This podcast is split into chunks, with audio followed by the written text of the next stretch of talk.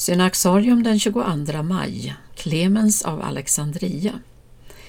I den unga kyrkan diskuterades livligt frågorna hur den kristne bör ställa sig till samtidens kulturliv och andliga sökande. På samma gång som det var förpliktigande att tillhöra den kristna församlingen insåg många värdet av att leva med sin tid. Clemens av Alexandria, född av grekiska föräldrar omkring år 150, var en av dem som menade att så länge den kristne vakar över sitt hjärta så att det inte fäster sig vid denna världen finns ingen anledning för henne att avlägsna sig från sina vänner av annan tro eller fly det mänskliga livets omsorger.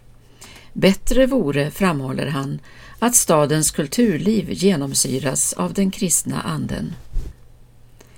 Det var i Alexandria som de djärvaste försöken från kristet håll tidigt kom att utföras och gå i dialog med den hellenistiska världen.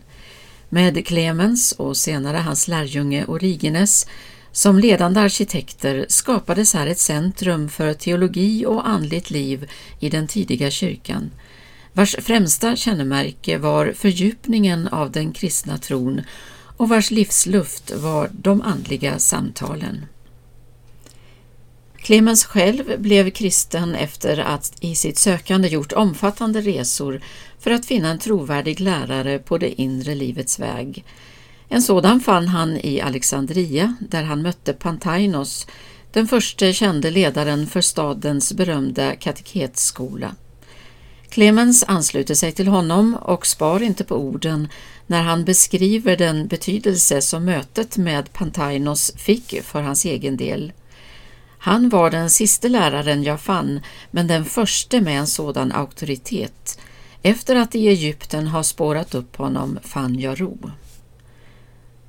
Från att ha varit Pantainos elev och lärjunge blir Clemens dennes medarbetare för att vid hans död strax före år 200 efterträda honom som rektor för kateketskolan.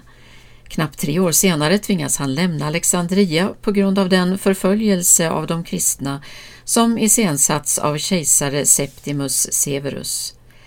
Efter att en tid ha tjänat biskopen i Jerusalem beger han sig till Kappadokien där han dör 215 utan att ha fått återse Egypten. Clemens författarskap har en imponerande spännvidd och rymmer inte minst vägledning för hur man kan leva ett kristet liv i världen. Han är också en föregångare när det gäller att lyfta fram kvinnans roll i kyrkan och samhället och berättar bland annat om kvinnliga diakoner som predikade i kvinnokvarteren i Alexandria.